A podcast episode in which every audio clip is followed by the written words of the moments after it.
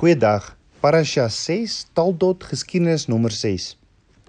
Ons het gesien Jakob is 'n sinnebeeld van die woordgehoorsame nageslag en Esau is sinnebeeld van woordloosheid of woordongehoorsaamheid want Esau se selfversekerheid het die deur oopgemaak vir oneerbiedigheid en wêreldsheid.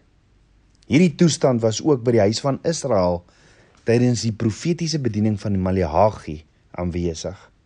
So lees ons dat dieselfde gesindheid ook by sommige mense in Yeshua se tyd aanwesig was. Ja in Matteus 3 vers 7 tot 12 sê Johannes, maar toe hy toe hy baie van die Fariseërs en Sadduseërs na sy doop sien kom, sê hy vir hulle: "Adder geslag, wie het julle aangewys om te vlug vir die troon wat aankom is?" Dra dan vrugte wat by die bekering pas en moenie dink om by jouself te sê ons het Abraham as vader nie, want ek sê vir julle dat God mag het om uit hierdie klippe kinders vir Abraham op te wek. Maar die byl lê ook teen die wortel van die bome. Elke boom wat geen goeie vrugte verdra nie, word uitgekap en in die vuur gegooi. Ek doop julle wel met water tot bekering, maar hy wat na my kom is sterker as ek wie se skoene ek nie waardig is om te dra nie. Hy sal julle doop met die Heilige Gees met vuur. Sy skop is in sy hand en hy sal sy dorsvloer deur en deur skoonmaak en sy koring in die skuur saambring, maar die kaf sal hy met onuitblusselike vuur verbrand. So ons weet dat hierdie gesindheid en toestand aan die einde van die dae aanwesig sal wees. Soos Yeshua se woorde aan die gemeente in Efesië en Laodicea dit ook duidelik maak in Openbaring 2 vers 4 tot 5 waar daar staan: Ek ken jou werke dat jy nie koud is en ook nie warm nie. Was jy tog maar koud of warm? Maar nou omdat jy lou is en nie koud of warm nie, sal ek jou uit my mond spoeg. Nou in die dae van Maleagi het Israel se geestelike welsyn verval tot agterloosheid en oppervlakkigheid. Israel se liefde vir Abba Vader het afgekoel. Hulle bedoelings was sekerlik nog opreg, maar maar hulle het blind geword vir die ware betekenis van liefde vir Abba Vader. Naamlik om nou geset gehoorsaam aan sy onderrig instruksies te wees. Lou liefde en goeie bedoelings is die simptome van geestelike siekte waarvoor ons almal vatbaar is. Die mens se goeie bedoelings kan nooit 'n plaasvervanger vir gehoorsaamheid aan Abba Vader wees nie. En dit is die les wat beide Saul en Dawid onder meer geleer het. Hierdie les geld ook vir elkeen van ons vandag, naamlik dat Abba Vader, ons Vader, gehoorsaamheid vereis en nie goeie bedoelings nie. Onthou, nadat Saul as koning gesalf is, het hy 'n opdrag van Abba Vader gekry om die Amalekiete te verslaan. Wie is die Amalekiete? Die Amalekiete kom van Amalek af wat die klein kind was van Esau wie se selfversekerheid en eie sinnigheid ook die deur oopgemaak het vir on oneerbiedigheid en wêreldsheid en Abba Vader haat dit. Amalek is dan ook vandag 'n voorstelling vir ons van hierdie inwonende sondige natuur, hierdie eie sinnigheid wat oorwin moet word. So Abba Vader het duidelik aan Saul opdrag gegee om al die Amalekiete dood te maak en alles te vernietig. En hoor gou weer, sou mag niemand se lewe gespaar het nie en ook geen oorlogsbyt geneem het nie want Abba Vader het beveel dat sou alles met die banvloed moet, moet tref. 1 Samuel 15 vers 1 tot 3 Na die oorwinning het Saul egter vir koning Agag van die Amalekiete gespaar en die beste van die kleinvee, beeste en skape as ook alles wat van waarde was geneem. 1 Samuel 15 vers 4 tot 9 Abba Vader het toe deur die mond van Samuel vir Saul gekonfronteer met die woorde: "Waarom het jy dan nie na die stem van Abba Vader geluister nie?" Op die byt afgestorm en gedoen wat verkeerd is in die oë van Abba Vader. 1 Samuel 15 vers 19. Saul se verweer was egter dat die bedoeling was om die beste vir die bangoed as offer aan Abba Vader op Gilgal te bring. En hierop het Samuel vir Saul geantwoord in 1 Samuel 15 vers 22 tot 14. Samuel sê: "Het die Here beha in brandoffers en slagoffers soos in gehoorsaamheid aan die stem van die Here?" Kyk om gehoorsaam te wees is beter as slagoffer, om te luister beter as die vet van ramme, want wederstrewigheid is 'n sonde van waarsêery en eie sinnigheid is afgodery en beeldediens. Omdat jy die woord van die Here verwerp het, het hy jou as koning verwerp. Toe sê Saul vir Samuel: Ek het gesondig omdat ek die bevel van die Here en die woord oortree het, want ek was bevrees vir die manskappe en het na hulle geluister. Met ander woorde, Saul se goeie bedoelings het nie oop opgemaak vir sy ongehoorsaamheid nie, nooit nie. Ongehoorsaamheid aan Abba Vader is sonde en bring oordeel. Inteendeel, weens Saul se ongehoorsaamheid was hy sy koningskap kwyt. En hoe maklik kan ons nie ook met goeie bedoelings probeer om gehoorsaamheid te vermy nie. Dink daaroor. Hoeveel seëninge is ek nie en en jy nie ook dalk al kwyt weens ongehoorsaamheid nie. Het jy jouself al hierdie vraag afgevra? Let wel, daar's 'n verskil om te doen wat veilig is en wat reg is. Daar's 'n verskil om dinge te doen met goeie bedoelings en daar's 'n verskil om dinge te doen in gehoorsaamheid. Jy sien om met met integriteit te lewe is om met die woord van Abba Vader in jou hart te wandel in totale gehoorsaamheid sodat dit 'n lig op jou pad en 'n lamp vir jou voet sal wees. So in Maleagi 1 vers 2 tot 3 staan sê Abba Vader, ek het julle liefgehad, sê sê Abba Vader. Nogtans vra julle, waarin het u ons liefgehad? Is Esau nie die broer van Jakob nie, spreek die Here. Tog het ek Jakob liefgehad, maar Esau het ek gehaat en sy gebergte 'n wildernis gemaak en sy erfdeel aan die jakkalse van die woestyn prys gegee. So die woord sê, Abba Vader het Esau gehaat. Kan 'n God van liefde iemand haat wat hy self geskaap het?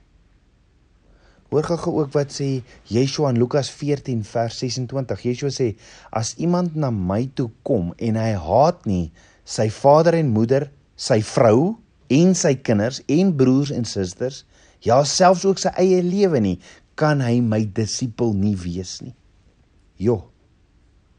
Kan jy glo wat Yeshua in hierdie teksvers sê?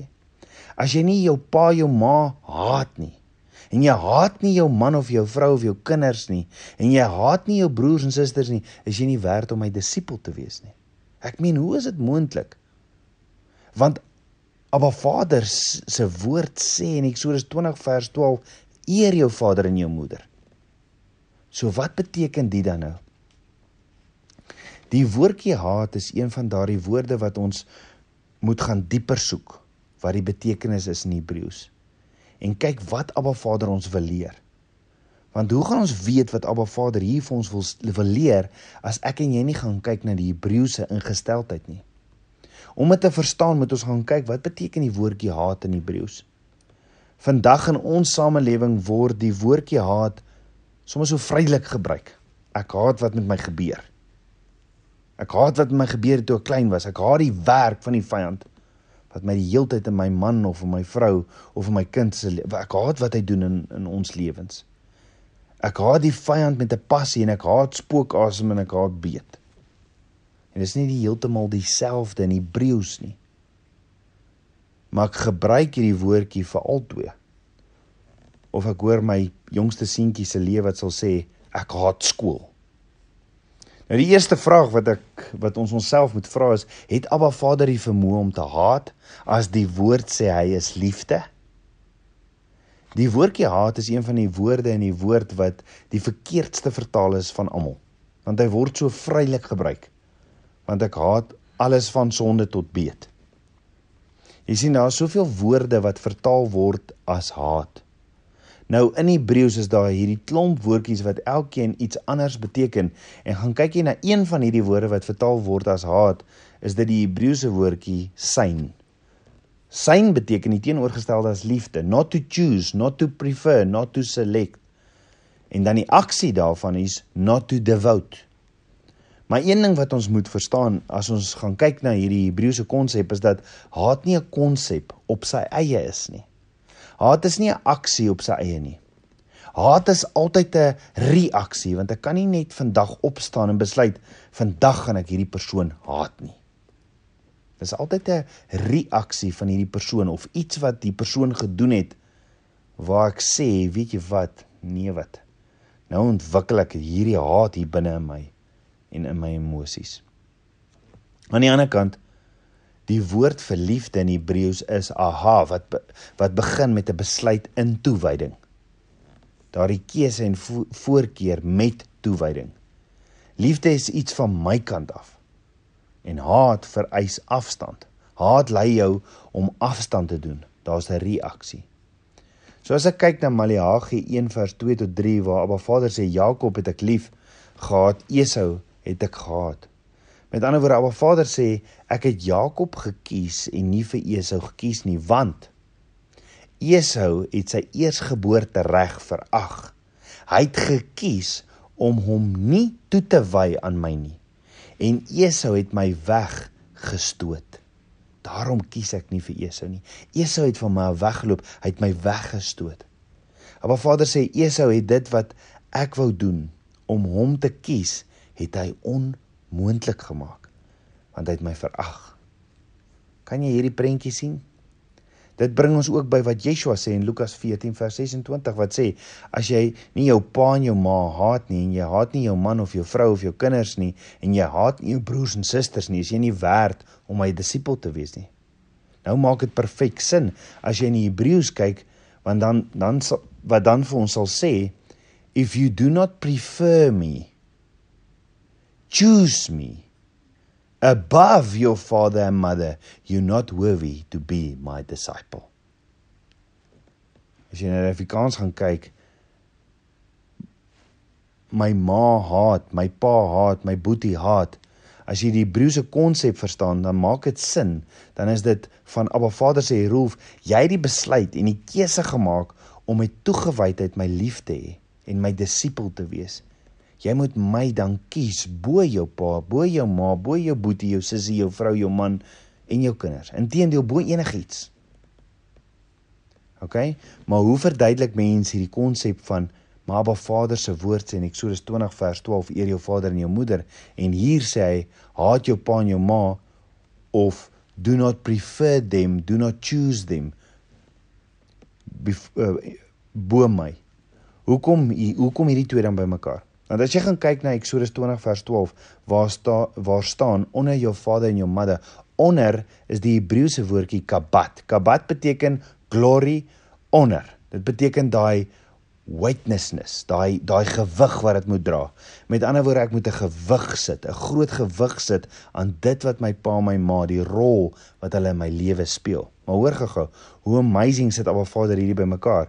Dit wat my pa en my ma my lewe is, moet ek eer en die rol wat hulle in my lewe speel moet 'n gewig dra moet gewigtige rol wees in my lewe. Dit moet kabat maar ek moet Abba Vader kies bo hulle. Jy sien vandag is daar is daar mans wat vir hulle seun sal sê seun jy is nou al 15 jaar oud. Jy's 'n man man. En om 'n man te word kom ons gee vir jou hierdie prostituut en 'n bottel brandewyn en dan is dit nou as jy hierdie doen dan is jy nou 'n man Dan kan die seun sê: "Pa, dankie." Maar die woord van Abba Vader sê, ek moet U eer. Ek moet 'n gewig insit in in in wat jy sê, pappa, maar ek kies Abba Vader se woord wat sê, "Nee, ek kan ongelukkig nie hierdie doen nie." Met ander woorde wat Yeshua eintlik vir ons sê in Lukas 14 is, jy haat enige alternatief vir Abba Vader se woord. Jy sluit geen kompromie nie. Ek en jy kies nie enige alternatief bo Abba Vader se woord nie. Maak nie saak van waar dit afkom nie.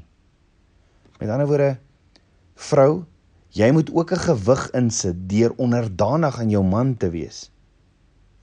Kies jy dalk om onderdanig te wees aan jou man bo jou liefde en toegewydheid aan Abba Vader? En Abba Vader sê nee. Nou maak dit ook sin hoekom die disippels alles gelos het en Yeshua onvoorwaardelik gevolg het, nê. Nee. Geen kompromie bo Abba Vader se woord nie. Johannes 1:14 sê en die woord het vlees geword en onder ons gewoon en ons ons het sy heerlikheid aanskou. 'n Heerlikheid soos van die van die enige gebore wat van die Vader kom, vol van genade en waarheid. Yeshua is die woord wat lewendig geword het. En dan sê Yeshua ook in Matteus 10 vers 37 tot 38 wie wie vader of moeder bo my liefhet is my nie waardig nie en wie my seuns of dogters bo my liefhet is my nie waardig nie en wie sy kruis nie neem en agter my volg nie, is my nie waardig nie. Kom ons bid saam. Aba Vader, skieper van my hart, ek loof en prys U. Dankie vir U woord. En Abba kom leer my. En wys my dat daar niks meer gewig sal dra as my liefde vir U en om U woord te shema, julle is nou by nie. Maak my 'n disipel en leer my net U waarheid. Ek smag, ek dors na U lewende water. Abba leer my om nie kompromieë met die wêreld te sluit nie, maar om te staan op U woord. Abba, ek is so lief vir U. Geef my wysheid, understanding, insig asseblief my Abba. Ek bid dit alles in Yeshua Messie se naam, die seun van Jahweh. Shalom.